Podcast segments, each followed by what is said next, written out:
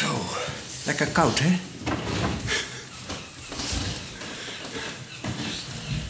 Ga je toch iedere dag werken met dit weer? Ja, ja. Je moet elke dag. Ja, Buiten. ja buiten. We werken buiten allemaal. En wat doe je dan? Wat doe je buiten voor werk? Ja, we hebben eh, twee soorten werk. Dat is, eh, ochtends eh, tot half tien. prikken. Prikken die afval. Afval prikken? Ja. Maar dan at tien uur beginnen we met groen. Eh, die planten. Of eh, je moet de bomen knippen. Die Ja, ja. toch? Ja, ja.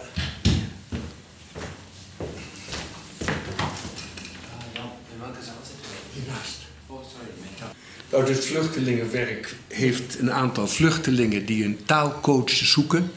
En andere, van de andere kant zijn er mensen zoals ik die zich als taalcoach aanbieden. En vluchtelingenwerk koppelt die mevrouw aan die meneer of deze meneer met deze meneer. Vindt u het fijn van naar hier te kunnen Ja, komen? ja, ja, ja, ja. Dat vind ik fijn. Leuk, ja. Voor mij is het belangrijk. Ik kan niet goed lezen en praten, maar eh, hij, eh, hij helpt mij. Die, hoe kan ik lezen, hoe kan ik praten Nederland, hoe kan ik eh, met mensen contact maken die zien. En dan lezen we een boek samen, hè? Vandaag. Ja, iedere week, hè? Ja, ja, ja. Iedere week. Ja, Zullen we, zullen we verder lezen? ja oké. Ja, oké. Oké. De volgende weg, de, de volgende, volgende dag staat Ivona laat op. Ze laat op, ja. Zij kijkt op haar telefoon en ziet een appje van in, Ingeborg. In, Een appje van Ingeborg. Ingeborg, ja. Ja, een, een appje. Weet je nog wat dat is? Ja, de appje, berichten denk ik, of met, met WhatsApp of Messenger. Heel goed, ja.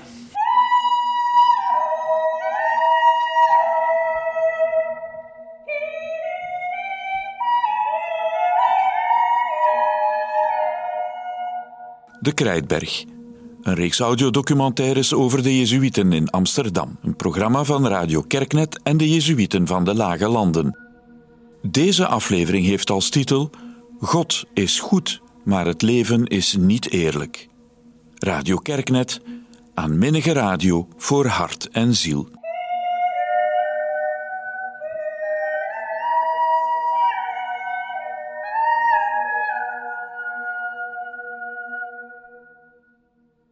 Ivona doet haar eh, bekijken. hè?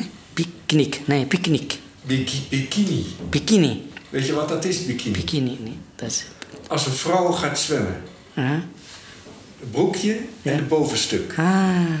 Bikini. oké. Regbeto. Die- oké. Bikini aan. Trekt haar zo... De mariuk. Mariuk. Zomerjurk. Ah, zomerjurk. Oh, Dat is een jurk Ja, ja, ja. Zomerjurk. voor de zomer. Ja, Een zomerjurk. is goed. Maak er Zomerjurk. één woord van. Ja, ja. Van twee woorden één woord. Zomerjurk, zomerjurk. ja. Het is tien uur in de ochtend. Amsterdam is koud en grijs. In de Krijtberg komt de Eritreër Sarma langs bij Jezuïet Jan Stuit voor een wekelijkse taalles Nederlands. Samra werkt als afvalophaler en bij de groendienst van de stad. In de eerste aflevering van deze reeks bezocht ik met Jan Stuit de Krijtbergkerk. Ik ga nu opnieuw bij hem langs om hem uit te horen over zijn levenskeuzes. Jan Stuit is geboren in 1950. Na zijn rechtenstudie, hij was toen 25, trad hij als broeder in bij de Jezuïetenorde. Hij werd later directeur van de Jesuit Refugee Service en hielp mee om onderwijs mogelijk te maken in vluchtelingenkampen op de Filipijnen en in Vietnam. Marian was ook een tijd lang regionaal overste van de Jezuïeten in de Lage Landen en is nu onder andere beheerder van de Krijtbergkerk in Amsterdam. En altijd waren het de kleine dingen die hem vertrouwen geven in de mens. Misschien is het leuk om te vertellen wat ik vandaag eh, zoal gedaan heb als een eh, introductie. Is dat een idee? Ja. Ja. Wel, uh, vlak voordat u binnenkwam, uh, kreeg ik een mailtje van een meneer die hier vaak in de kerk komt. En die zei van, ik krijg van de overheid allemaal overheidssteun voor mijn gasrekening en zo. Heb ik helemaal niet nodig. Maar u als pastoor weet vast wel waar ik dat, wat u daarmee, uh, wie u daarmee blij kunt maken. Dus dat is natuurlijk een hele leuke manier om de avond te beginnen. Iemand die zegt, ik, krijg, ik heb een goed energietarief de overheid helpt mij met 200 euro. Pastoor, u weet wel waar dat naartoe moet. Nou, dat vind ik dan, uh, dan heerlijk. Hè? Daarvoor, vandaag op vrijdag 9 december, heb ik een, uh, een kindje gedoopt van een vluchteling uit Oekraïne. Maar die mevrouw is geen Oekraïense, die mevrouw komt uit Nigeria. En die studeerde in Oekraïne en die is uh, aan augustus kunnen vluchten. En die zit nu als Afrikaanse in Nederland in een hotel. Waar ze geplaatst is door de centrale opvang asielzoekers. En daar heeft ze een kindje gekregen in september. En daar hebben we vanavond hier in de kerk gedoopt. En de Nigeriaanse kerk van Amsterdam die had twee vertegenwoordigers gestuurd. En we hebben hier op dit moment een groep jonge mensen, kerkgidsen, de Living Stones. En die waren er ook met acht man bij en die hebben wat liederen gezongen. En dan, uh, dan is het een mooie avond.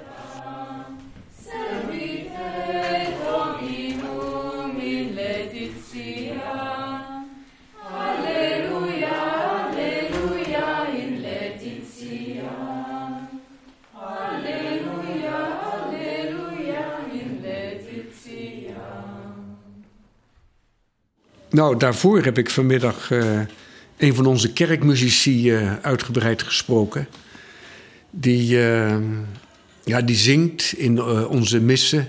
En natuurlijk, die heeft ook met de financiële problemen en zo. Dus die, die vroeg of hij wat vaker kon komen spelen.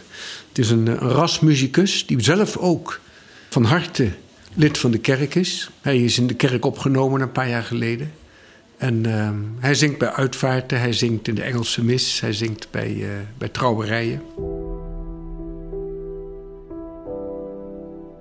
Onze kerk heet de Krijtberg en staat aan de binnenste van de Amsterdamse grachten, aan het Singel. En we zitten op deze plek sinds 1650 ongeveer. Het huidige gebouw is van 1880. Dat is een prachtige neogotische kerk, die van binnen buitengewoon mooi is en druk. Van buiten heel gewoontjes. En daarnaast staat een mooie uh, pastorie. Die is van 1820 en daar wonen we nu met zeven jezuïeten. Eén in opleiding, uh, één collega die vooral internetpastoraat doet. En dan vijf anderen die uh, op en aan de kerk bedienen. En vele andere parochies in en rond Amsterdam. We zijn gelukkig niet alleen. Sinds vele jaren komt er in de zomer een groep jonge mensen die noemen zich de Living Stones. En die komen uit allerlei landen van vooral Europa. Italianen, Spanjaarden, Maltesers, Zwitsers, Fransen. En uh, in veertig kerken van Europa geven die rondleidingen met inhoud. Dus niet alleen, dit is het beeld van de heilige Andreas, maar Andreas was de eerste die door Jezus werd geroepen als apostel. Een apostel is iemand die het werk van Jezus voortzet. Kortom, ze gebruiken de kunst ook een beetje als catechese en als bruggetje naar het geloof. Zij kunnen wat wij niet kunnen. De mensen gaan open en vertellen hun verhaal. Dus die jonge studenten die worden, soms geconfronteerd met, uh, met levensverhalen die, uh, waar ze behoorlijk door. Uh, dat dragen ze met zich mee. Hè? Een vluchteling uit Oekraïne, Iemand die vertelt over een verliezende familie kort geleden. Of een familie in het eigen, een verlies in het eigen gezin. Wij zijn reuze blij met uh, die groep jonge mensen. Er zijn er een stuk of acht. Eerst kwamen ze alleen twee weken in de zomer. Maar nu hebben ze besloten, we maken er een heel jaar van. En nu zijn ze hier van september tot mei. Met een derde studeren op catechese en kunstgeschiedenis een derde je eigen brood verdienen. En een derde rondleidingen geven in de Krijtberg. Dus de kerk is veel vaker open dan vroeger. Bijvoorbeeld ook, ook s'avonds. Zij zitten graag s'avonds, doen ze de kerk open. Dan is het donker. De mensen staan in de rij voor de nachtclub die 100 meter verder is. En dan worden ze de jongelui gevraagd: kom toch even binnen, steek een kaarsje op. En uh, dan komen de gesprekken. Vaak tot 11 uur middernacht s'nachts staat de kerk open en worden de kaarsjes aangestoken.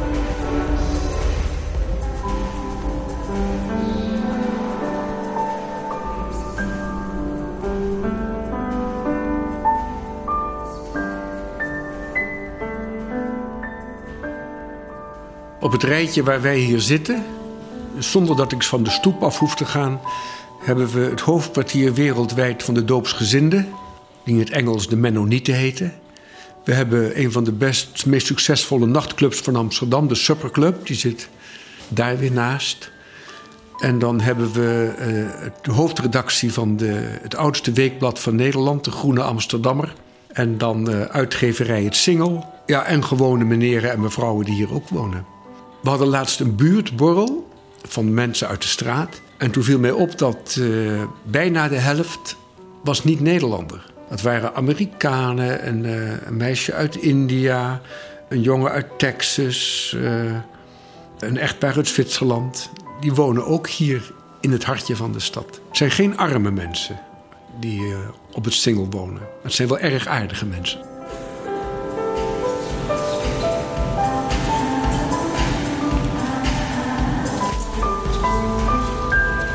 De Living Stones, uh, dat project is ooit begonnen in Bologna. Uh, door de studentenpastor daar. Die zei, maar die prachtige gebouwen, dat moeten we gebruiken. En van Bologna ging het naar Milaan, en toen ging het naar Rome, en toen ging het naar Genova. En um, uh, toen zeiden ze, ja, het is ook leuk om naar het buitenland te gaan. En um, ja, Amsterdam heeft toen echt goed gescoord, omdat... Um, Kijk, als je in Bologna rondleidingen geeft, dan moet je Italiaans kennen. Want 90% van de bezoeker is Italiaan. En als je rondleidingen geeft in Barcelona, ja, ook 80% van de bezoekers is Spanjaard. En dan moet je Catalaans of Spaans kennen. Maar hier is de helft van de bezoekers het Nederlands niet machtig. Dus dat je dan een internationale groep hebt, dat komt goed uit. Dat is één factor. Dat je hier kunt hier het Engels terecht. Het tweede is dat eh, de groep paters die hier zit, die vindt het heerlijk als er jonge mensen in huis zijn. Maar er zijn natuurlijk ook wel pastorieën van jezuïeten in Napels of in Messina. Ja, daar, daar zijn die paters helemaal niet van gediend dat er opeens een jonge dame in nachtpont door de gang dartelt. Dat hebben ze in hun leven nog nooit gezien. Of dat er allerlei luchtjes van het koken in de gang hangen. En wij denken alleen maar, er is leven in huis. En we hebben nu een, uh, een apart huis naast de Krijtberg. En daar wonen die acht jongelui. En um, uh, ze, komen hier voor hun lessen, uh, theologie. Ze komen hier voor hun lessen kunstgeschiedenis. En op zaterdagavond zijn zij de, de permanent factor in de jongere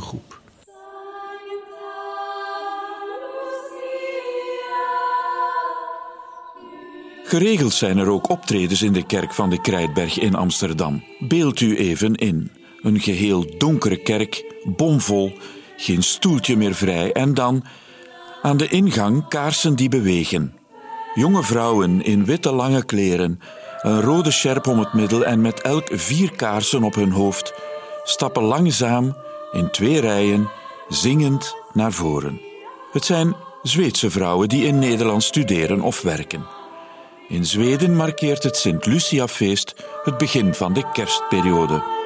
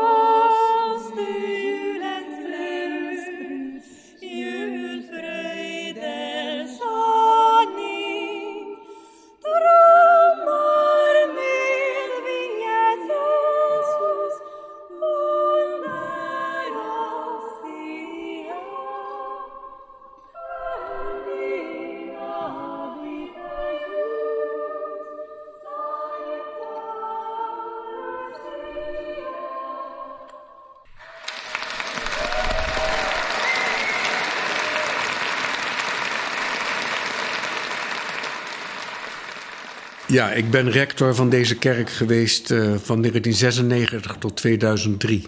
was mijn eerste flinke klus binnen de Jezuïetenorde. Ja, dat heb ik, ik heb hier ontzettend graag... Ik, ik doe parochiepastoraat ontzettend graag, of basispastoraat. We hebben als orde een aantal prioriteiten. En één daarvan is uh, God verkondigen. Nou, dat doe je expliciet als je pastoor bent. Het tweede is de gemarginaliseerde, de, de, de, arme mensen nabij zijn. Nou, uh, onze deur staat altijd open. Je hoeft geen afspraak te maken. Je kunt gewoon binnenlopen. En niet bij iedere onderwijsinstelling van de Jezuïeten kan dat. Maar bij zo'n binnenstadskerk kan dat wel. De derde opdracht is um, optrekken met de jeugd. Ja, daar doen we dan wat minder aan.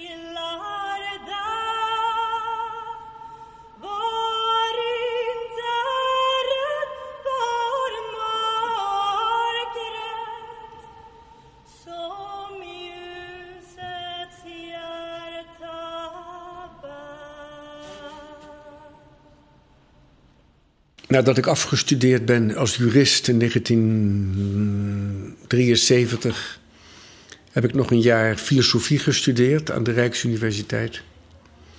Ja, en toen werd het toch wel tijd om keuzes te maken. En ik zag me niet de rest van mijn leven bezig met het opstellen van eh, contracten voor het ontbinden van huwelijken.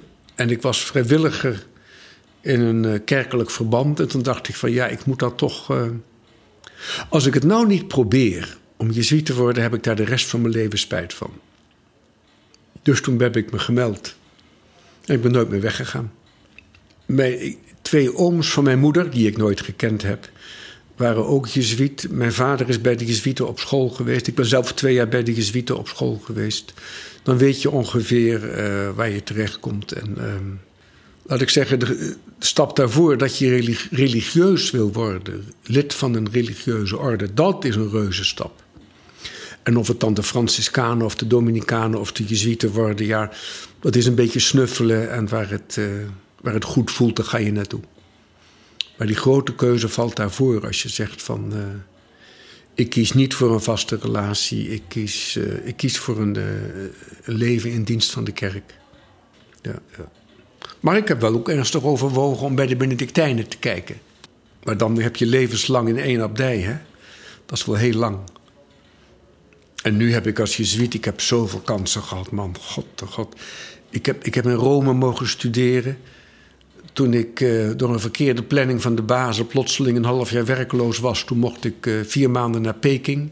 Ik heb gewerkt in de vluchtelingenkampen voor de Vietnamezen in Maleisië en de Filipijnen en Hongkong. Ik heb de, een kantoor geopend van de Jesuit Refugee Service in uh, Kroatië en Bosnië.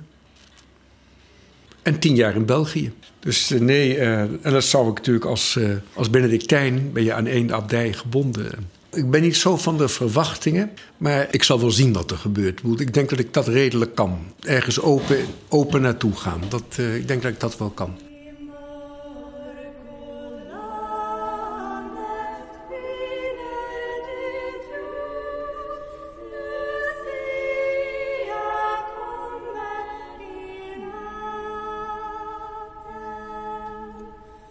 Ik ging naar voor een laatste opleidingsjaar, uh, dat is een jaar of vijf na je priesterwijding.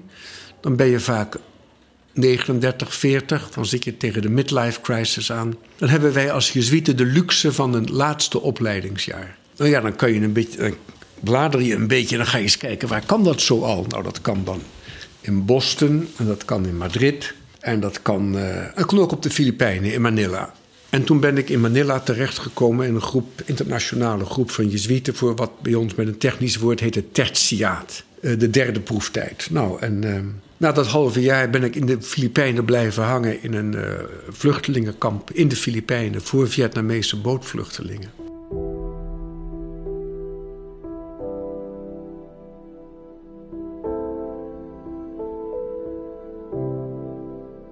Als je al je talenten die je gekregen hebt kunt gebruiken op een plek waar dat nodig is, waar je de armen kunt helpen, ja, dat maakt ontzettend gelukkig. Ik kan goed organiseren, ik spreek mijn talen. Nou, dat kon ik allemaal uh, volop gebruiken daar. Mijn preken waren nog heel houterig, maar mijn tolk, die, die mijn preken vertaalde voor de Vietnamezen, die vroeg dat ik iedere dag mijn preek geschreven inleverde voor 12 uur s middags. Het was een, een mis om 5 uur s middags. Want um, ja, in zo'n vluchtelingenkamp is niks te doen, hè? helemaal niks. Uh, en alle dagen lijken op elkaar. En vergaderingen zijn verboden omdat ze bang zijn voor politieke relletjes. Maar godsdienstoefeningen zijn toegelaten. Dus ik had iedere, iedere weekdag in de mis 200 tot 300 man. En op zondag 2000 in het vluchtelingenkamp. Nou, en die mensen rekenen wel ergens op. Dan moet, moet je ook wel wat bieden. En toen heb ik leren preken. Doordat mijn tolk zei: Ja, pater, alles goed en wel. Maar ik, ik moet me ook kunnen voorbereiden. Dus dat ik iedere ochtend een woordje te maken bij de teksten van de dag. Ja, dat heeft mij geweldig geholpen. Daarna heb ik twee jaar in de Filipijnen gezeten. Dat was wel anders. Dat was op een eiland, eilandje voor de Maleisische kust. En voordat de Vietnamese bootvluchtelingen daar kwamen, woonden daar 10, 12 gezinnen, vissers. En nu woonden daar opeens 12.000 Vietnamezen. Het voedsel kwam met een eh, boot van het Rode Kruis iedere dag. Rijst, kippen, paprika's. En daar woonde ik ook. Behalve die 12.000 mensen woonden er ook 15.000 ratten. En die lieten zich ook gelden. Dus uh, ja, dat was uh, een voortdurende slag tegen, de, tegen het ongedierte. En toen een keer de campagne tegen de ratten heel erg succesvol was dat er, laten we zeggen, 3000 gedood waren op een week tijd door het uh, effectieve rattengif. Toen sprongen de rattenvlooien op de mensen en kregen ze allemaal een soort uh, tyfus, wat normaliter op alle beesten in Azië zit, maar niet op mensen. Maar ja, als er geen andere zoogdieren zijn, dan springen die vlooien op de, op de mensen.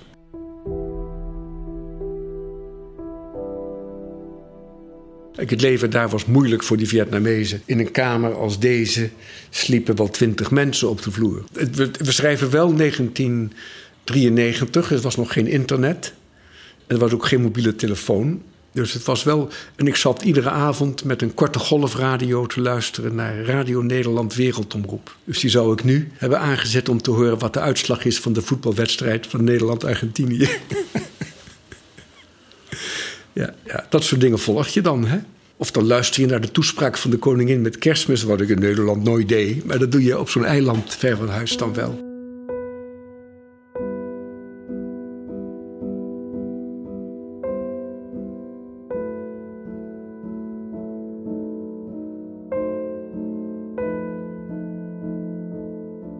Och, weet je, ik heb niet zoveel gedaan. Maar er waren lokale leiders. Die maakten het verschil.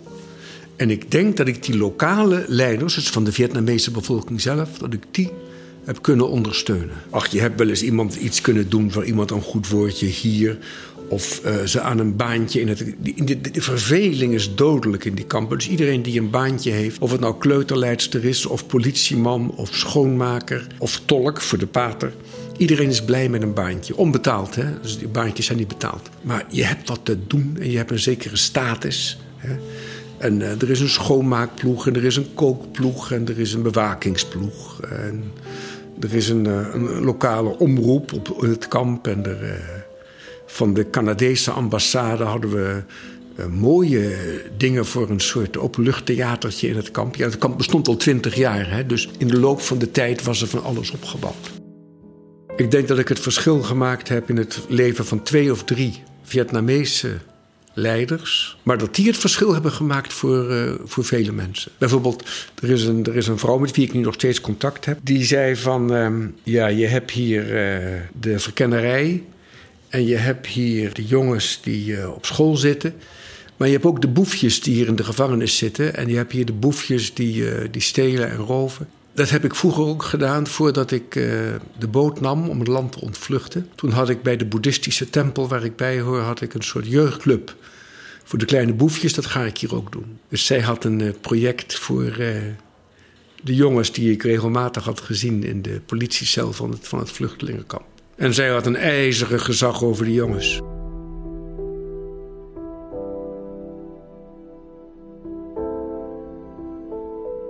Ben jurist eigenlijk van opleiding. En al die mensen zaten in een asielprocedure. En die moesten dus gescreend worden, zo heet dat, uh, individueel, per familie, of ze wel of niet de vluchtelingenstatus konden krijgen. En ik denk dat ongeveer zes op de tien het wel kregen en vier op de tien niet. En dan konden ze in beroep gaan en dan kwamen ze bij mij om hun beroepsschrift, wat in het Engels was, met mij door te spreken. In 1980 ontvluchten vele Vietnamezen hun door oorlog verscheurde land. De erbarmelijke situatie van deze Vietnamese bootvluchtelingen noopte de Jezuïeten minstens te proberen verlichting te brengen in hun tragische situatie. Zo kwam de Jesuit Refugee Service tot stand, als een globaal begin van antwoord dus op de vluchtelingencrisis in Azië. Het was de voorbode van het engagement van Pater Jan als directeur van de organisatie. Jesuit Refugee Service, ja. Dat is een apart hoofdstuk in mijn leven. Ik heb dat een jaar of tien gedaan. Eerst als uh, ja, veldwerker, dus man uh, in het veld in de vluchtelingenkampen in Azië voor de Vietnamezen. En toen mijn tijd daar om was, toen werd ik gevraagd om, uh, het was 1993, in Joegoslavië een kantoor te openen van de Jesuit Refugee Service. En dus toen heb ik, ben ik begonnen in Zagreb en Sarajevo. Daar heb ik nog wel de bommen horen fluiten en wel eens in de, in de rats gezeten als we werden aangehouden. Dus dat was, was het veldwerk, een jaar of vijf. En daarna ben ik vijf jaar directeur geweest van de Jesuit Refugee Service in Brussel. Dat had twee kanten. Het ene was coördineren wat de Jezuïeten in Europa doen voor vluchtelingen. Daarna kwam wat je daar gehoord hebt bij jouw collega's in Roemenië, in Malta, in Frankrijk, in Italië, in Berlijn, vertalen in betere wetgeving voor vluchtelingen en asielzoekers in Brussel. En dat is grote mensenwerk. Daar heb ik heel hard moeten studeren. Het heeft lang geduurd voordat ik het onder de knie had. Als jezuïet heb je een geweldige entree bij, want de helft van de, van de ambtenaren uit Spanje en Italië is oud-leerling van de jezuïeten. En, uh, en ze denken allemaal gunstig over ons. Dat is een, je hebt een geweldige entree als je als jezuïet, als je namens de kerk komt in Brussel zit vol met lobbyisten. Van de glasfabriek, van de houtfabriek, van de microfoonfabriek, van de gordijnenfabriek. Van de stad Amsterdam, van de provincie Limburg, uh, van de regio Brussel. Allemaal hebben ze hun lobbyisten. Alleen vluchtelingen en statelozen niet. Dus dat doen de kerken. En we waren met zes christelijke organisaties. De bisschoppen van Europa, Caritas, Caritas Internationaal, Evangelische Kirche Duitsland, Jesuit Refugee Service. En we hadden ieder zo onze eigen specialisatie. En we steunden elkaar bij het lobbyen bij de Europese Commissie, die wetgeving voorbereidt. Het Europese Parlement, die de wetgeving goedkeurt. En we hadden gelukkig een buitengewoon uh, goede connectie met uh, de Jezuïeten in Berlijn, die weer toegang hebben tot het, uh, het, ministerie in Berlijn wat gaat over migrantenzaken. Dus vandaar hoorden we wat er op til was aan wetgeving, waar we voor moesten lobbyen, hoe we moesten lobbyen en het allerbelangrijkste, wanneer je moet lobbyen. Want die materie die beheersen wij wel. En de juiste mensen kennen wij ook wel. Maar je kunt maar één keer op bezoek. En als je te vroeg bent, luisteren ze niet. Omdat ze andere dingen aan hun hoofd hebben. De mensen in Brussel zijn zeer deskundig en werken zeer hard. Maar je moet op het goede moment op de stoep staan. Want als je te laat bent, ja, dan is het papier al weg met de amendementen. Of dan hebben ze al besloten hoe ze gaan, uh, gaan stemmen in het Europese parlement. En de liberalen, daar gaven we überhaupt geen aandacht aan. Die waren toch tegen onze plannen. En groen en extreem links gaven we ook geen aandacht aan. Want we wisten al van tevoren dat die het met ons eens waren. Je moet de swing vote, de middenpartij, en dat waren de socialisten. Dus ik heb, ik heb mijn energie altijd gestopt in de parlementsleden van de Italiaanse socialisten, de Franse socialisten, de Nederlandse socialisten. Die moet je overtuigen om voor jouw plannen te stemmen. Nou, waar wij iets van af weten als jezuïeten, dat is van de, hoe asielzoekers en uitgeprocedeerden opgesloten zijn in een grenshospitium.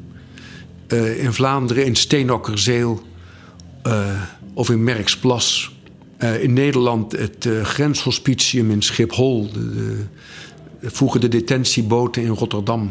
Nu in Ter Apel. Omdat wij gevangenisaanmoezeniers zijn, weten we er echt wat van. En we hadden gegevens uit München, uit Londen, uit Parijs, uit heel Europa over detentie. En toen er een nieuwe richtlijnen kwamen. Dat zijn bindende richtlijnen voor de nationale regeringen. Over de condities waaronder mensen in detentie mogen zitten. Daar hebben wij kunnen lobbyen. Bijvoorbeeld voor een maximumduur. In Frankrijk was dat één maand. Maar in Nederland kon je onder, anderhalf jaar vastzitten. En in, in het Verenigd Koninkrijk kun je nog steeds twee jaar vastzitten. Zonder vorm van dat er een onafhankelijke rechter aan te pas komt. Dat een ambtenaar met één pennenstreek, zonder mogelijkheid van beroep, je detentie verlengt. Nou, in afwachting van een procedure of in afwachting van uitzetting. Terwijl in Frankrijk is het na een maand afgelopen. Dus of na een maand moet je een uh, uitspraak hebben van de rechter, of je moet uitgezet zijn. Maar, je, uh, maar er was dus een uniformering op komst voor heel Europa.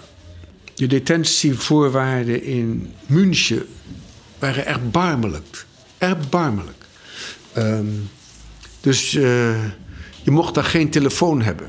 Nou, en als je in detentie zit, een telefoon is je levenslijn naar je familie. Uh, terwijl er zijn landen uh, in Europa waar het heel makkelijk is om op te bellen. En waar je contact mag hebben met een arts, een psycholoog, een zielzorger, een maatschappelijk werker. Iemand van jouw uh, ambassade als je die zien wil. Maar er zijn ook landen waar ze zeggen: nee hoor, dat doen we niet.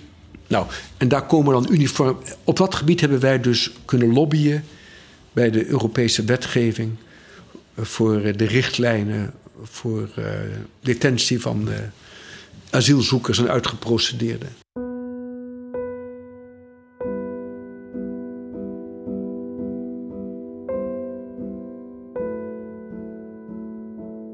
Nou ja, wat hebben die mensen misdaan? Uh, soms is het illegale grensoverschrijding, maar dat is geen, geen, geen misdaad waarin in de meeste Europese landen straf op staat. En asiel vragen, dat is een recht wat staat in de Conventie van Genève van 1951. Je hebt het recht om asiel te vragen. En dan heeft de overheid het recht om dat asiel te weigeren. Maar je mag het altijd aanvragen. En je hebt je recht op een fatsoenlijke procedure. Maar een heleboel mensen die ongewenst worden verklaard, kunnen niet worden uitgezet omdat het land van herkomst hen niet terug wil nemen. Dat heeft in Afrika vaak alles te maken met uh, dat men van de, van de verkeerde stam is. Dus de Afrikanen zelf zeggen tegen mij tribalism. Dus uh, het elkaar discrimineren op grond van, van welke stam je bent. Tribalism is de vloek van Afrika. Wat verlamt bijna iedere staat. En dat betekent dat we dus een hele grote groep hebben van mensen die geen vluchtelingenstatus krijgen, maar die ook niet uitgezet kunnen worden. Maar ja, als ze niet wettig verblijven in het land, dan kunnen ze geen sociale zekerheidsnummer krijgen, geen burgerservice nummer, en kunnen ze niet werken. Nou, daarmee creëer je dus een onderklasse. En de een zegt dat die, wordt, die onderklasse wordt gecreëerd door de overheid. En de anderen zeggen, ja, die mensen, als die mensen niet gekomen waren, hadden, hadden, hadden wij er geen problemen mee gehad. Dus dat is ook allemaal heel ingewikkeld. En ik weet dat daar geen makkelijke oplossingen zijn. Nee.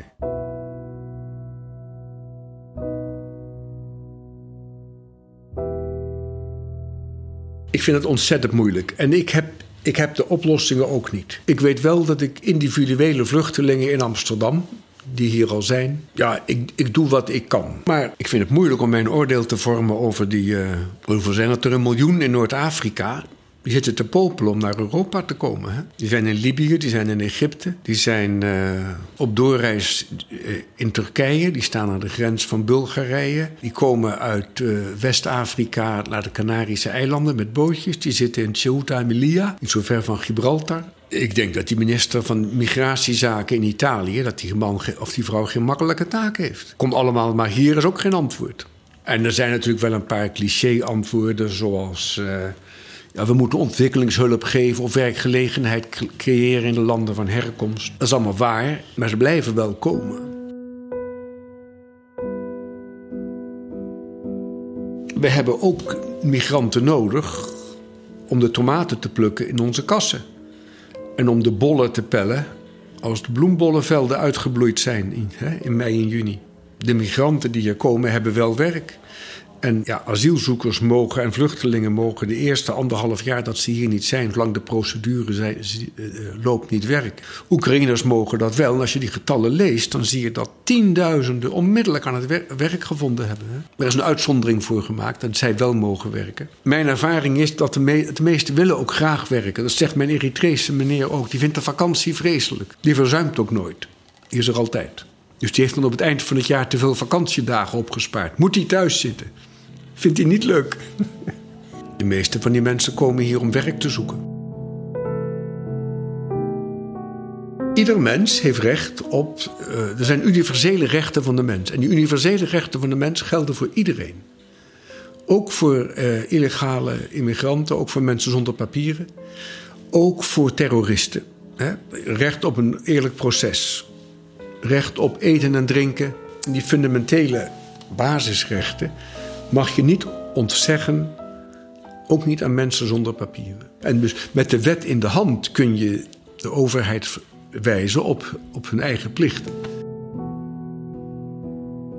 Ja, waardoor word ik geïnspireerd om dit soort werk te doen? Dat is de, de gezichten van de mensen. Ik, ik, krijg een e-mail als pastoor van een asielzoeker die haar kind wil laten dopen. En ik denk van ja, deze brief kan ik niet terzijde leggen, daar moet ik op af. Hè? Het individuele appel van mensen. Ja. En wat er met die grote aantallen moet, ja, dat laat ik maar over aan de politiek. Daar heb ik niet voor geleerd. Ik heb geleerd voor individuele zorg aan mensen die nu hier en nu in mijn omgeving zijn. Als je zoveel kansen hebt gekregen, dan moet je toch wat terug doen. Hè? Het is niet gelijk, het is niet eerlijk verdeeld in de wereld. God is good, but life is not fair. God is goed, maar het leven is niet eerlijk. Ik zou mezelf niet in de spiegel kunnen aankijken als ik niet af en toe ook iets deed voor een arme.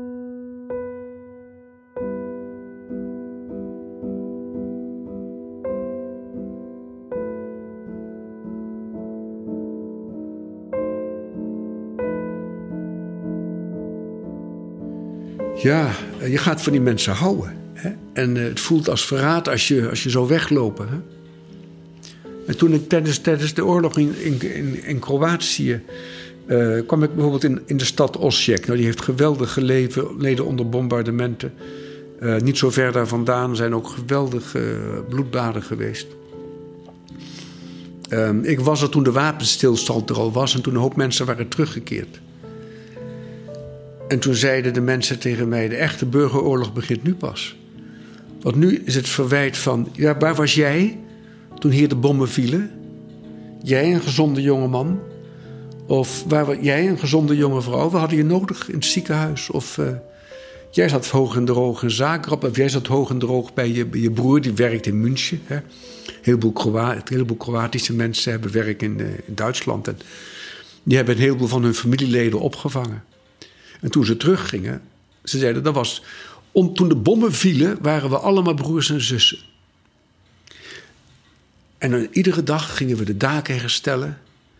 En de melkboer bracht de melk toch weer rond en zette die aan de deur. We lieten ons niet kisten. We deden alsof het leven gewoon doorging. En we waren allemaal één toen de bommen vielen. En nu, nu er wapenstilstand is, nu komen de. Jij hebt toch een Servische vrouw? Je hebt toch een broer die in Belgrado woont? Wat heeft die gedaan in deze maanden? Vreselijk, vreselijk, vreselijk. Ehm, dus er is een grote waarde in blijven waar je bent, ook als het moeilijk wordt. En ik denk dat, uh, dat wil ik met dat verhaal vertellen. En uh, onze paters en broeders en ook uh, de zusters in Latijns-Amerika die vermoord zijn, die hebben altijd gekozen om te blijven bij de mensen.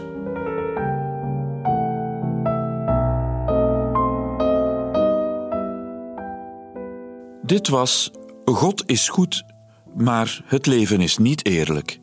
Aflevering 4 in de reeks audiodocumentaires over de Jezuïeten in de Lage Landen. Een programma van Radio Kerknet en de Jezuïetenorde. Samenstelling en productie Leo August de Bok. In de volgende aflevering trekken we op met Bert Dalemans. Hij doseert theologie aan de Universiteit Pontificia Comillas in Madrid. Fijn dat u luisterde.